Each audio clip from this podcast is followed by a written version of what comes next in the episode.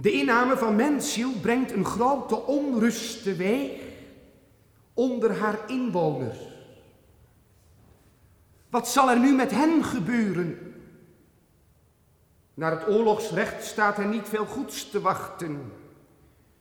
Ze hebben immers zelf uit eigen beweging de stad uitgeleverd aan Diabolus. Ja, ze hebben zelfs geheel vrijwillig meegevochten aan zijn zijde tegen de legers van Shaddai. Je ziet in deze onrust komen nu enkele notabelen van mensziel samen. Onder hen ontdekken we onder andere oud-burgemeester Verstand, oud-verslaggever meneer Geweten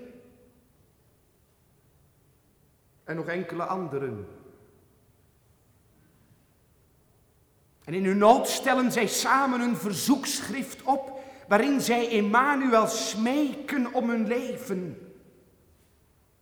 Op dit gratieverzoek ontvangen zij echter geen enkel antwoord.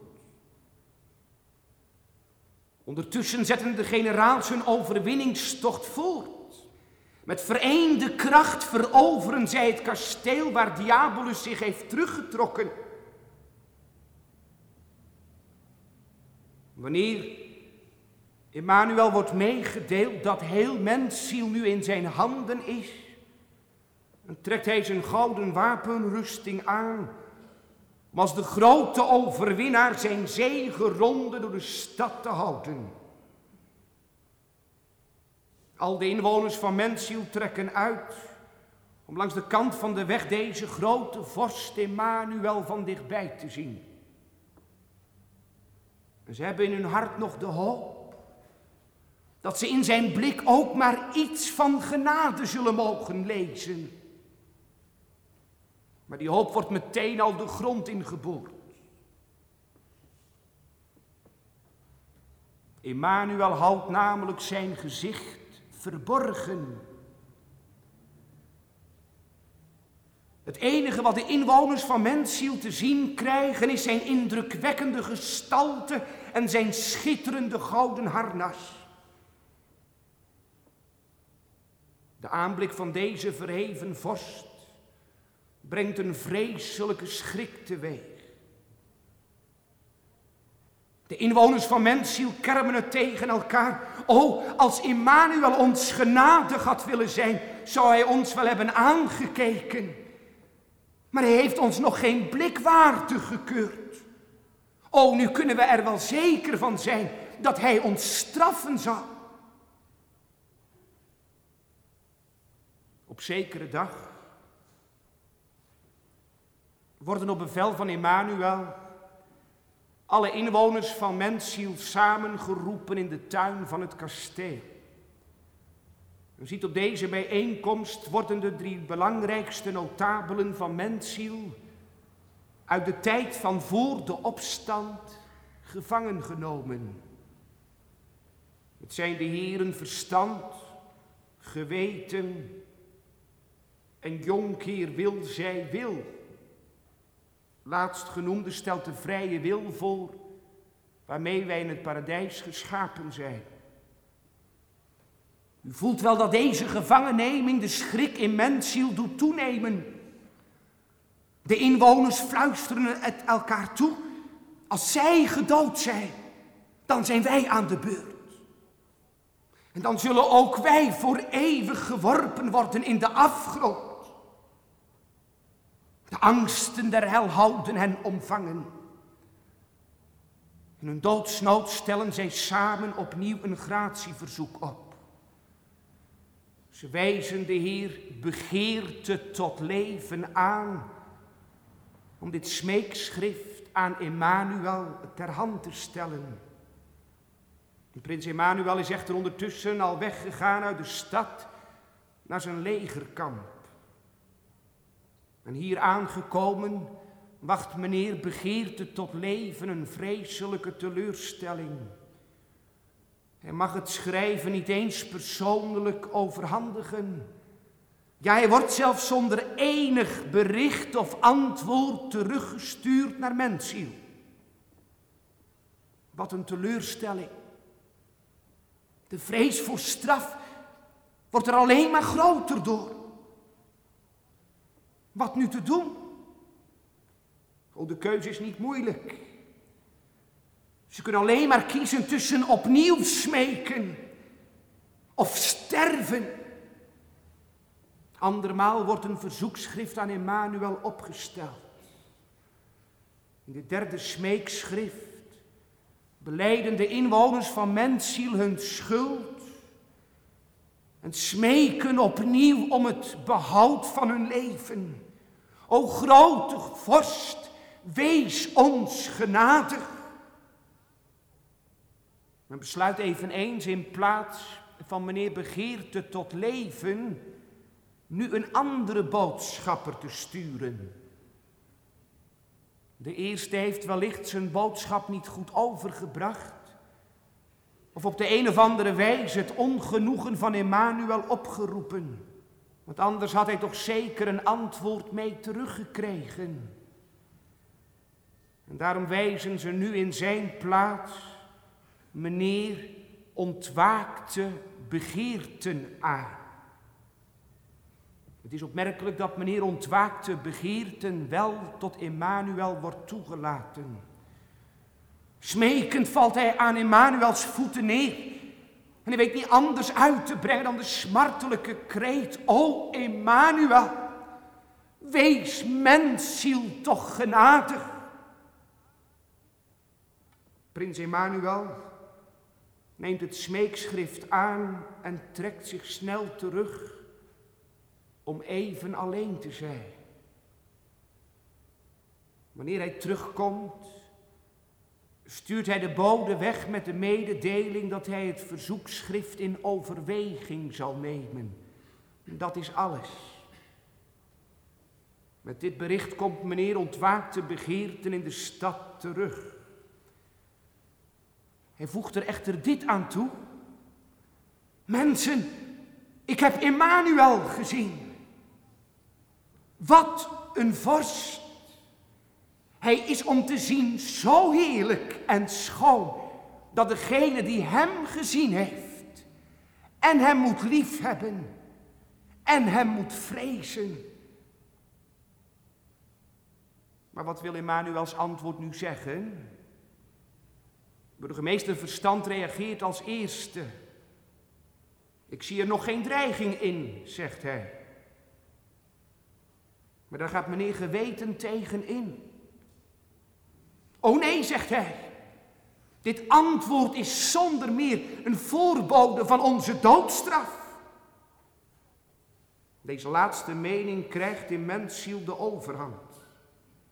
En dat niet zonder uitwerking. De angst stijgt naar een climax. Niemand in mensziel kan slapen. In elk huis wordt gezucht en gebeefd. De gevangenen besluiten echter nog een laatste verzoekschrift te schrijven aan Emmanuel. De inhoud daarvan is als volgt. Vorst Emmanuel, grote Heer van het ganse heelal en meester der barmhartigheid, wij, uw arme ellendige, ongelukkige en stervende stad Mensie. Wij beleiden voor uw grote en roemrijke majesteit dat wij gezondigd hebben tegen uw vader en tegen u. En we beleiden dat we niet meer waardig zijn uw stad Mensiel genaamd te worden. Maar veel eer dat we in de poel geworpen worden Indien u ons wilt veroordelen tot de afgrond. Wij kunnen niet anders zeggen dan dat u rechtvaardig bent. Wij kunnen niet klagen over hetgeen u doet of hoe u met ons handelt. Maar o, dat de genade regeert en uitgebreid worden ook tot ons. O laat uw ontferming over ons komen en bevrijd ons van onze overtredingen. En wij zullen zingen van uw barmhartigheid en van uw oordelen. Amen. Opnieuw vragen ze meneer ontwaakte begeerten dit schrijven over te brengen. Deze wil wel gaan, maar alleen wanneer meneer Natte Ogen, zijn buurman, hem begeleiden mag. Meneer Natte Ogen is een eenvoudige, arme man van een verbroken geest die in een hutje woont in mensziel. En zo komt het dat deze twee samen op weg gaan naar het legerkwartier van Emmanuel. Daar aangekomen en toegelaten tot Emmanuel, smeken zij om genade. Ineens vraagt Emmanuel aan meneer ontwaakte begeerten, wie hebt u eigenlijk meegenomen? Dan stelt ontwaakte begeerten zijn vriend natte ogen vol. Ik weet het, zegt hij tegen Emmanuel. Er zijn veel mensen met die naam die niet deugen. Maar ondertussen valt meneer Natte Ogen op de grond en biedt Emmanuel zijn verontschuldigingen aan dat hij met zijn vriend is meegekomen. Ik weet ook zelf niet, zo zegt hij, of mijn naam echt is of geveinsd. Deze naam is mij gegeven omdat ik een kind ben van meneer Berouw. Maar goede mensen hebben soms slechte kinderen. Ik denk zelf vaak dat mijn naam niet juist is. Want ik zie zelf telkens weer opnieuw modder in mijn eigen tranen en vuil op de bodem van al mijn gebeden. Maar ik smeek u, geef genade. Wat Emmanuel hierop antwoordt? Dit. U vraagt nu wel genade, maar weet u dan niet hoe vreselijk het is wat u mijn vader hebt aangedaan? En dat terwijl mijn vader zoveel van u hield, beseft u dan niet dat u nota bene een leugenaar boven mijn vader gesteld hebt? En hoe komt het trouwens dat u nu wel om genade wilt smeken? Waarom hebt u dat niet gedaan toen mijn legers voor de poort lagen? Ja, waarom hebt u dat niet gedaan toen ik zelf voor mijn verscheen?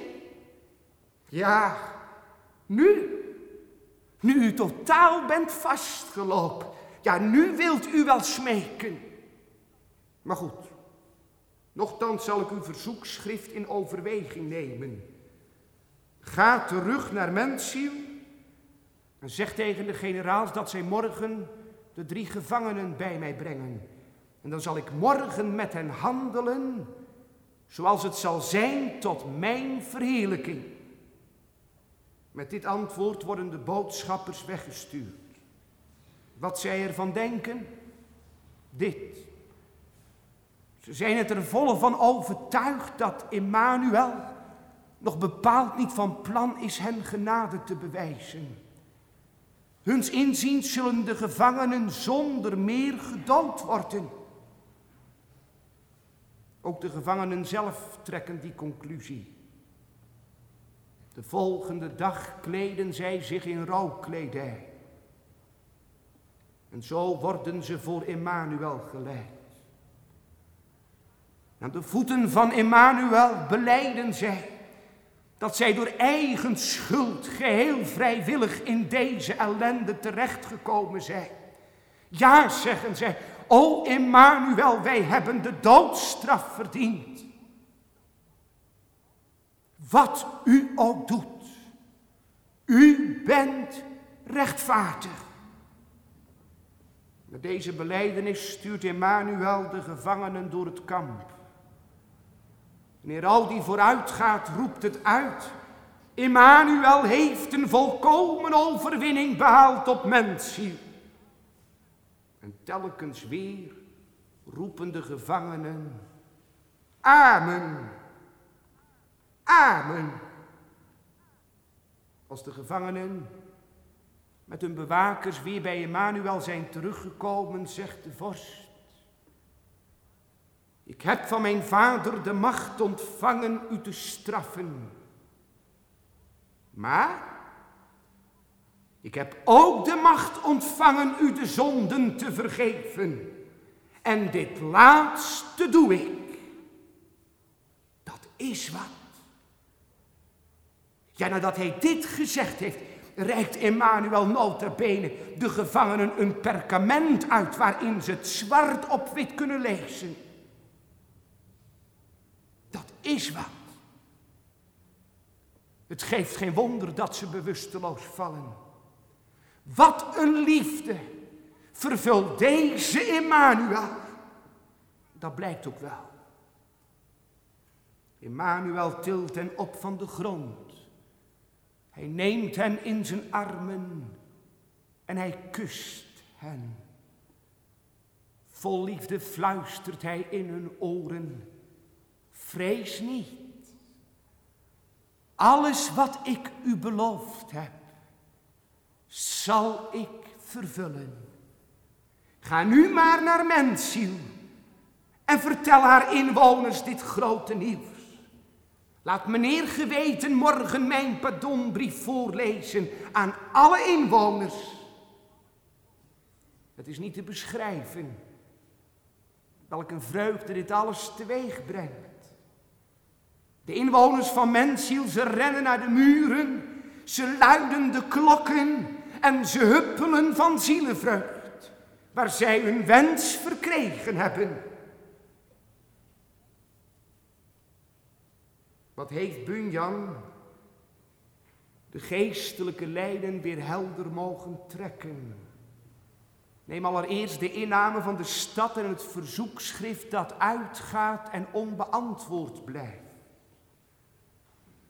Ja, wanneer de Heer in uw leven de oorpoort doorboort, wanneer de Heer uw stad mensziel inneemt, oh, dan wilt u wel smeken om genade.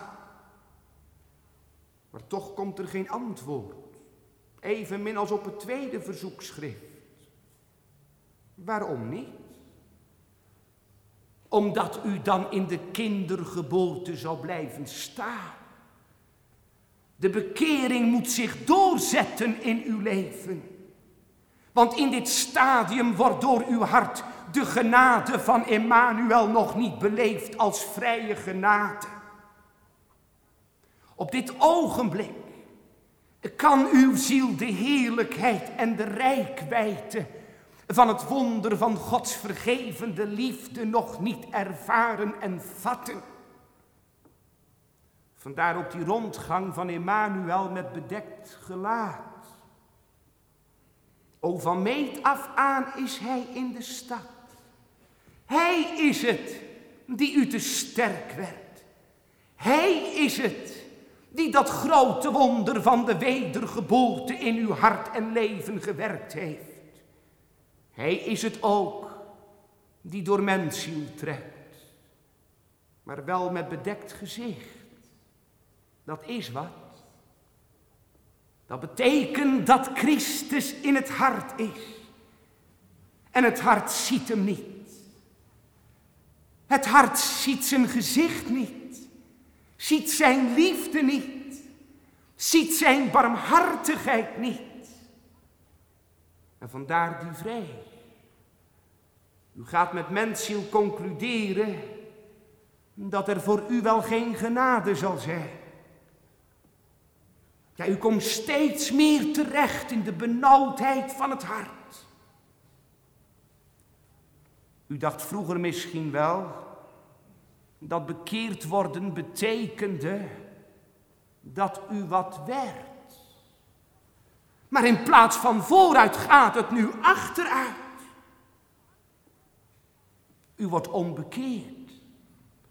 U komt er buiten te staan. Wordt afgebroken. Ja, geweten, verstand en wil zij wil, zij worden gevangen genomen. Christus legt er beslag op. Hij laat hen boeien. Wat dat betekent? Dit. u gaat beleven. Het is een zaak van het recht. Want toen deze heren nog vrij konden rondlopen in de stad, lagen alle mogelijkheden nog voor hen open. Het kon vriezen, het kon dooien. Er kon straf zijn, er kon genade zijn. En ze concentreerden zich vooral op dat laatste. En zo hebben zij zichzelf moed ingepraat. Die kansberekening is nu finaal afgesneden. Nu zitten ze gevangen in het blok van de gevangenis. Gelukkig. Want dat onbestendige hopen van uw ziel op genade is in wezen nog zelfhandhaving. Is in wezen nog een ongelovig hopen om de dans te kunnen ontspringen. En ziet, dat wordt nu in de weg van de bekering afgesneden. Alle hoop op genade buiten Emmanuel moet u ontvallen. Sion zal door recht verlost worden. En die bekering brengt Emmanuel teweeg door zijn gevangenneming, door zijn heerschappij. U wordt geboeid door de boeien van het woord om te leren denken op de golflengte van de heiligheid van het goddelijk recht. Zalig worden is dan voor u geen rekensommetje meer. Wat dan? O, in het werk en door het werk van de bekering komt het steeds zuiverder te liggen in uw hart. In het begin is er sprake van heilsegoïsme. Kijkt u maar naar het verzoekschrift dat wordt weggebracht door meneer Begeerte tot leven. In dat verzoekschrift overheerst de gedachte de dood te moeten sterven. Daar is heel het verzoekschrift op gericht. Het gaat eigenlijk alleen maar om het verlangen het er levend af te mogen brengen. Het accent ligt meer op het willen leven dan op het beleven van de schuld. En vandaar dat Emmanuel geen antwoord geeft. Waarom niet? Opdat het accent verlegd zal worden. En die accentsverschuiving komt er. Daar zorgt Emmanuel wel voor in zijn wijze pedagogie. Daarom geeft hij geen antwoord. Wat dat uitwerkt, dit. De volgende bode is niet meer meneer begeerte tot leven, maar meneer ontwaakte begeerte. Zonder dat het nu al zo duidelijk ligt, is er toch sprake van een doorwerking. Het kan ook nog niet zo duidelijk liggen, want het nieuwe verlangen, oftewel het nieuwe begeren waarvan u spraken is, is nog maar net ontwaakt. Ook in een groentetuin komt het verschil tussen de verschillende soorten pas duidelijk openbaar bij het uitgroeien. Maar nochtans, meneer ontwaakte begeerten is daar. Dat betekent dit, er komt een ander begeren in uw ziel. Er komt in uw hart een verlangen naar die koning. Er komt een verlangen hem te mogen ontmoeten. Het is juist in de ontmoeting met Hem dat het verlangen uitgroeit. Ja, het verlangen groeit daaruit. Waar de Christus der Schriften gepredikt en u voorgesteld wordt. Waar het hart onder de bediening van het woord deze koning in zijn schoonheid en zijn heerlijkheid ontmoeten mag. Daar krijgt uw hart hem lief. Zelfs los van de vraag of uw stad mensziel zalig wordt of niet. Dat wordt door Bunyan scherp en helder getekend. Meneer ontwaakte begeerten komt verwonderd terug in de stad. Mensen, twee dingen. Wie deze koning ontmoet heeft, zo zegt hij, moet en hem liefhebben en hem vrezen.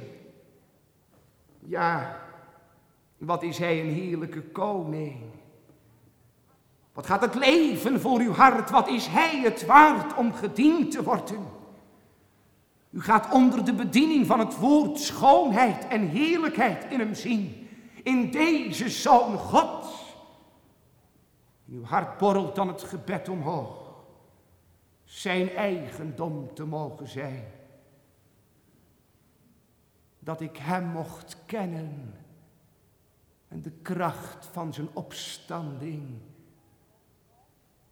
dat ik, o Zoon Gods, met u mocht leven. En tegelijk krijgt uw hart diep ontzag voor hem. Niet in de zin van een panische angst, dat u bang wordt voor een boeman, maar in de zin van een heilige eerbied. U beleeft het. Deze Christus is zo anders als ik ben. Deze Christus is de gans andere. Hij kan met zo een als ik ben geen gemeenschap hebben, want hij is de heerlijke, de aanbiddelijke, de liefelijke, de rechtvaardige, de volmaakte, de heilige. Maar ach, ik, ik ellendig mens, ach, ik ben een verdorven mens. vandaar dat meneer geweten dit alles ziet als voorbode van de doodstraf. Ja, dan valt enerzijds in uw leven die ontwaakte liefde niet te ontkennen. Maar anderzijds hebt u een indruk van die heiligheid en gerechtigheid van Emmanuel en van daaruit zegt u het. Voor mij kan het niet. Ja, dan is dit alles voorbode van de dood. U gaat op alles van uzelf de dood schrijven. Ik heb de dood verdiend, want in al het mijne is de dood. Maar al moet u beleiden de dood verdiend te hebben. Nochtans wordt in die weg het vierde gratieverzoek geboren. Nochtans gaat uw hart onder de bediening van het woord roepen tot de levende God, tot die borg en middelaar. O, het stijgt op uit uw ziel met de tollenaar. O, God, wees mij zondaar genadig. En tegelijk zet in dit alles de bekering zich door. De accentverschuiving trekt door. Want wat is nu de inhoud van het vierde verzoek? Het is niet meer een smeken om het behoud van het leven zonder meer. Oh nee. De brief zet in met de beleidenis van eigen onwaardigheid en doemwaardigheid. De gevangenen gaan Emmanuel rechtvaardigen Emmanuel kan hen geen kwaad meer doen, wat hij ook met hen doen zou. Zijn vonnis is gans rechtvaardig. En daar hebben we nu het geheim. Dan kunt u verloren gaan. En daarin bestaat nu de ware boetvaardigheid. Hoe u dat leert, niet door het gebulder van de wet. Niet door een dominee die tekeer gaat. Er is er maar één die u dat leren kan. Dat is Christus zelf. Ja, dat leert Hij u in de weg van de waarachtige bekering. Hij is het immers die zijn God en Vader gerechtvaardigd heeft in de billijkheid van zijn vonnis. Hij heeft de Vader gerechtvaardigd en verheerlijkt in zijn recht toen hij de drinkbeker van Gethsemane aanvaard heeft. Ja, daar heeft hij de drinkbeker geheel in overeenstemming geacht met de daad van de zonde. En van daaruit, vanuit die beleving, bad hij het Vader, doch niet mijn wil, maar uw wil geschiet. Hij is het die het ons leert. Hij leert ons het leven verliezen. Hij leert u verloren gaan. Kijk maar naar die moordenaar. Door deze Christus die in het midden hangt, leert hij het beleiden. Wij dan rechtvaardig. Wij ontvangen strafwaardig hetgeen wij gedaan hebben. En dan, ja dan is in de beleving van uw hart genade genade. Want dan is er voor uw ziel geen enkele grond meer buiten Immanuel. O, dan is alleen in hem de laatste en de enige grond der hoop. Meneer Natte Ogen is dan ook bevreesd. Zelf nog de Heer in de weg te staan. Hij vreest dat hij onberachtig is. Ja, dan maakt u geen grond meer van de tranen die u schrijft.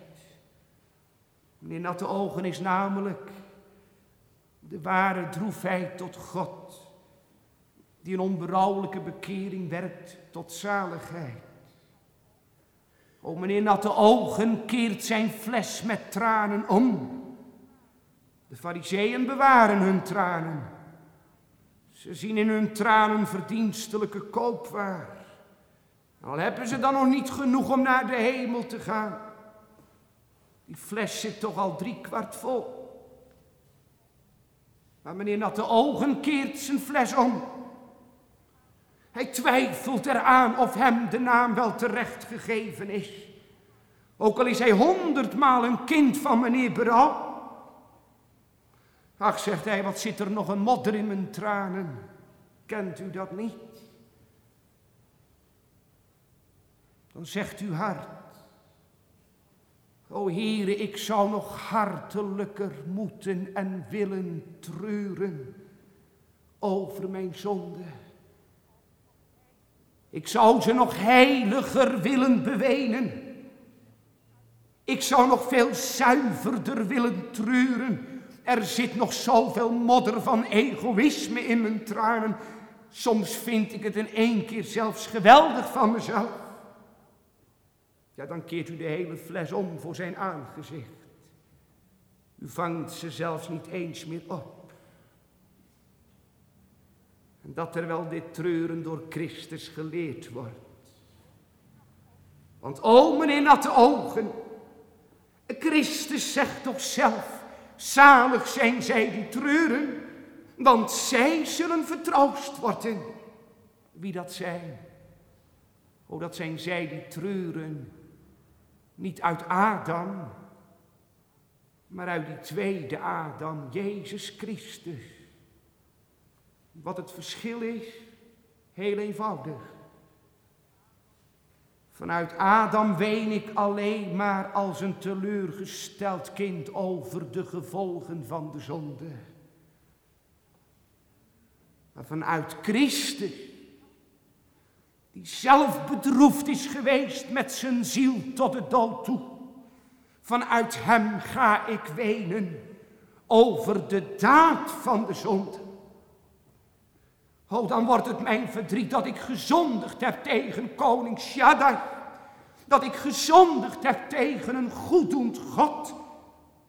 Kijk, en dat is de nood.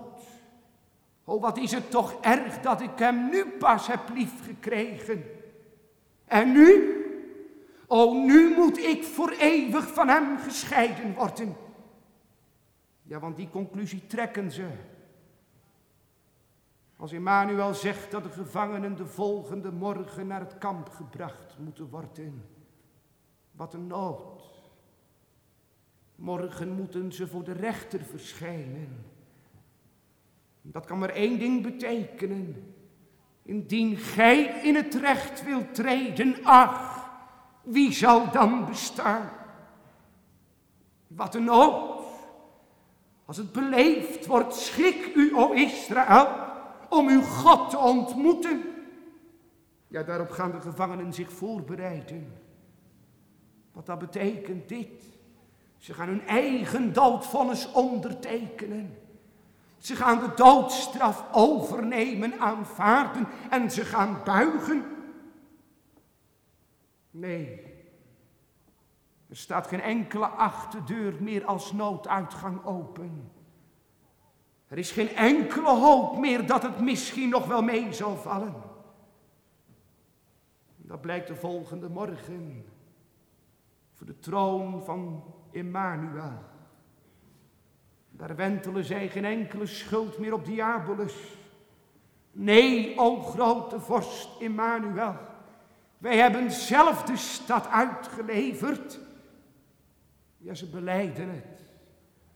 Dat het wanneer het aan hen had gelegen, zij zelfs nooit gecapituleerd zouden hebben. En daarom, o vorst, wij hebben de doodstraf verdiend. Wij zijn rebellen en goddelozen. Wij kunnen geen enkele aanspraak op genade maken.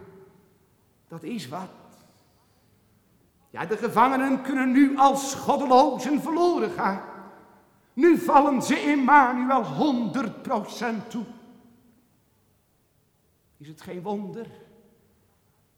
Daar hebt u nou de uitwerking van de heerschappij van die verborgen Christus in het hart. In hem die zelf zijn leven vrijwillig heeft afgelegd, is de mogelijkheid te leren uw leven te verliezen.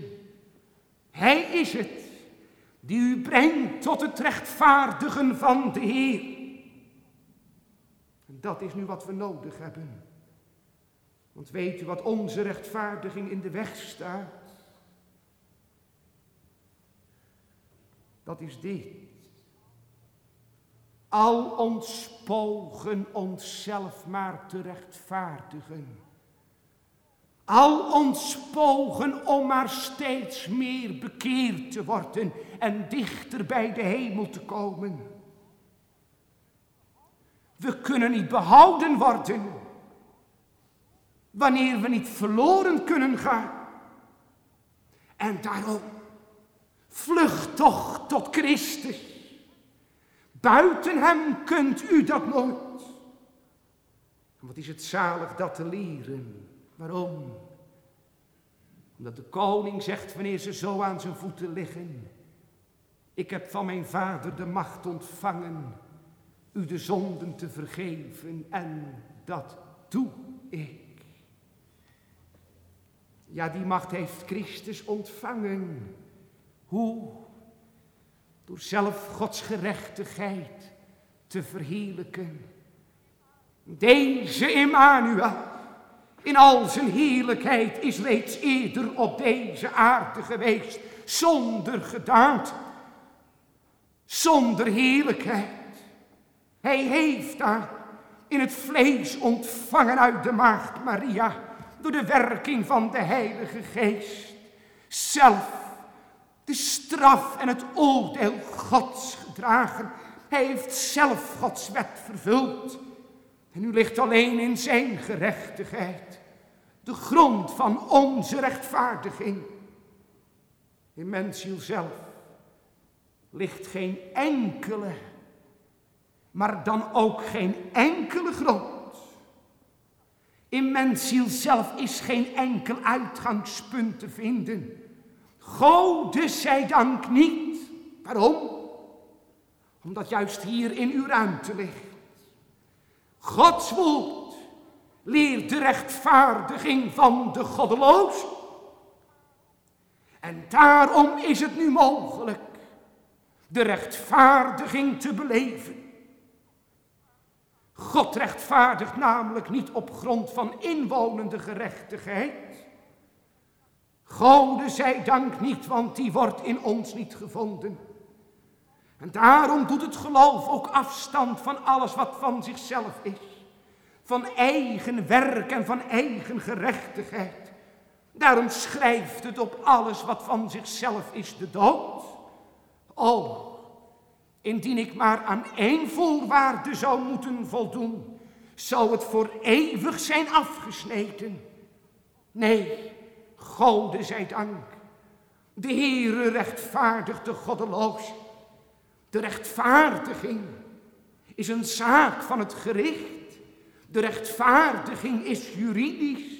Dat wil zeggen, u wordt een gerechtigheid toegerekend die u zelf niet hebt. Ja, de zonde is toegerekend aan die Christus, die geen zonde gekend heeft nog gedaan. En u wordt zijn gerechtigheid toegerekend aan een zondaar die zelf geen gerechtigheid is of heeft. hoe gaat dat nu? Er zijn in deze twee grote gevaren. Namelijk aan de ene kant dat de rechtvaardiging wordt losgemaakt van het woord van God. Dat u wacht op een rechtvaardiging in de vierschaar van de conscientie. En dat als een enorm angstig gebeuren dat zomaar ergens ineens plaatsvindt. Vergeet dan dat de Heer niet werkt buiten het woord om. Dat woord is ten allen tijde het zwaard des geestes. Aan de andere kant is daar het gevaar dat men de rechtvaardiging losmaakt van de Heilige Geest.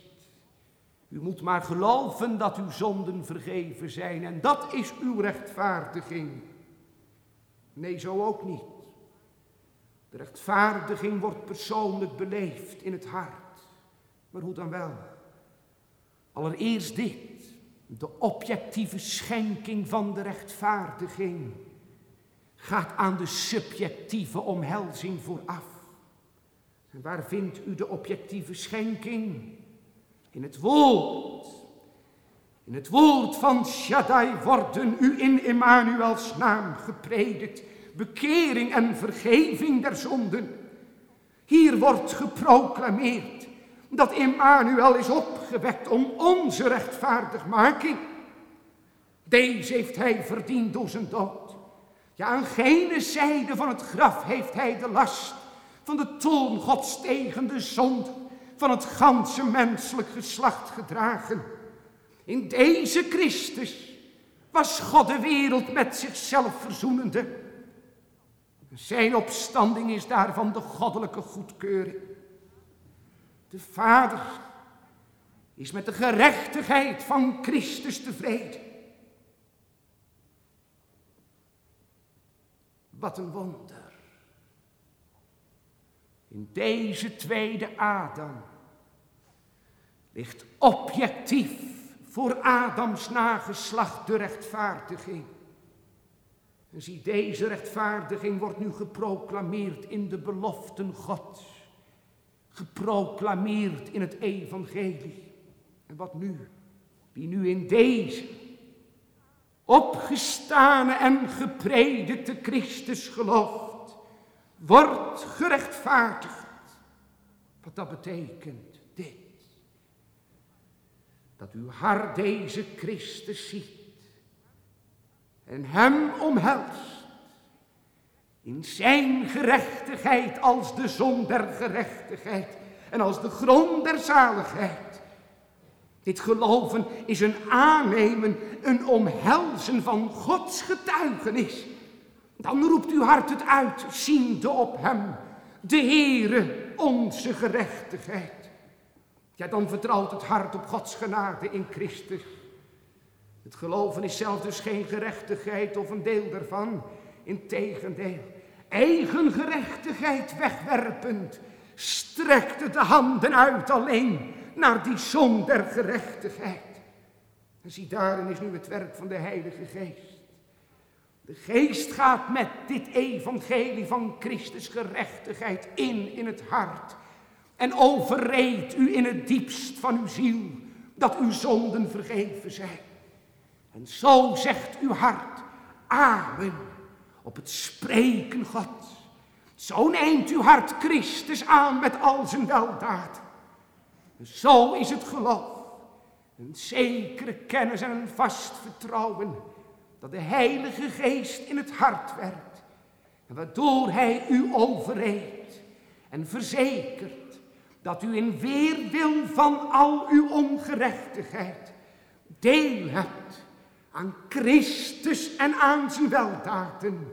O, wat een machtig wonder. Wat is het een machtig wonder. Wat onuitsprekelijk is het deze Christus, zonder enige verdienste uwerzijds, nochtans te mogen omhelzen, als de van God geschonken zaligmaker. Hem te omhelzen in de algenoegzaamheid van zijn offer. In hem is al uw gerechtigheid. En dan, in het omhelzen van die Christus, mag u het vriendelijk aangezicht van God de Vader ontmoeten. Deze Vader heeft in hem niets meer op u tegen. Hij ziet u aan in hem. Zijn gerechtigheid heeft hij u toegerekend. O, wat is daar in een onuitsprekelijke blijdschap. Welzalig hij wiens zonden zijn vergeven, die van de straf voor eeuwig is ontheven. Dat is niet te vatten en niet te beredeneren. Dan vallen de boeien u af, o zalig zo te liggen, aan de voeten van Emmanuel. Eeuwig wonder, niet zijn zwaard daalde neer om mij te doden, maar zijn rechterhand en zijn mond heeft het gesproken, vrees niet. Uw zonden zijn u vergeven, dan wordt het jubeljaar. Dan gaan de gevangenisdeuren open. Het liefelijk en hartverwarmend zonlicht straalt binnen in de dodencel. In plaats van de angsten der hel komt de vreugde van het zalig hemelleven. In plaats van de dood, nu het leven. O, zie daar overhandigt hij een perkament. Het staat zwart op wit, wat dat is. Is dat een oorkonde voor thuis aan de muur? O nee, het is het woord zijner kracht. Hier is uw gerechtigheid. Zalig hem daarin te omhelzen. Ik kan het niet op. Wat een wonder. Sieraad voor as. Vreugdeolie voor treurigheid. Ja, mensen, juich dan. Rechtvaardig volk, verhef uw blijde klanken. Verheugd in God, naar waarde nooit te danken. Ja, het is toch wat. Nu word ik ook nog rechtvaardig genoemd. Hoe kan dat? Heel eenvoudig, dat is niet mijn naam. Weet je wat het geheim is? Die naam rechtvaardig is de naam van mijn bruidegom. En in het huwelijk gaf hij zichzelf, maar ook zijn haar. Is het geen wonder? Kom dan. En maakt hem alleen met mij groot. En weet dat hij is opgestaan om goddelozen te rechtvaardigen. Ook u. Amen.